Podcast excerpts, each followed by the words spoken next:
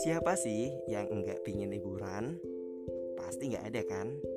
Iya, tapi jangan sampai keterlaluan atau terlena saat kita liburan ya teman-teman Oke, inilah bahasan kita pada podcast kali ini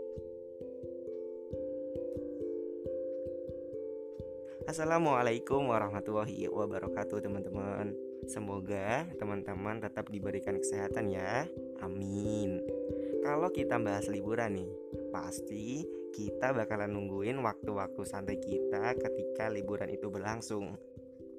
Waktu santai memanglah ngebuat diri kita terlena teman-teman. Dengan adanya waktu santai itu, kita biasanya lebih mentingin tidur-tiduran atau melakukan kegiatan yang enggak jelas lainnya. Tapi sebenarnya nggak salah kok teman-teman kalau kita ngelakuin hal itu. Tapi jangan sampai ngelakuin hal itu secara terus-menerus atau keterusan ya teman-teman karena ketika kita keterusan yang ada bukannya liburan yang ngebuat diri kita refreshing melainkan malah ngebuat tubuh kita menjadi semakin malas dan nanti akibatnya ketika waktu liburan kita sudah selesai yang ada bukannya kita nambah semangat tapi malah nambah males. Itulah salah satu akibat ketika kita malas-malesan waktu liburan teman-teman.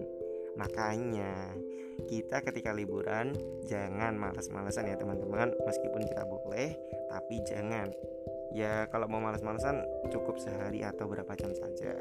Oke dan jadikan waktu liburan kita berharga teman-teman.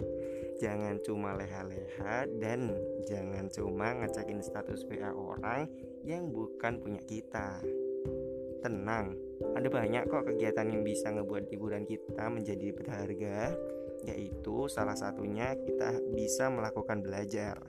Kita bisa melakukan belajar ngedit Belajar nulis buku Lalu belajar dakwah pun bisa kok teman-teman Maka dari itu marilah kita gunakan liburan kita untuk mengupgrade diri kita supaya menjadi lebih baik lagi. Karena mau kapan lagi kita mendapatkan waktu yang seluang ketika kita liburan.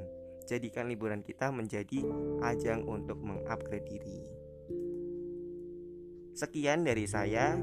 Bilai fi sabilil haq fastabiqul khairat. Wassalamualaikum warahmatullahi wabarakatuh.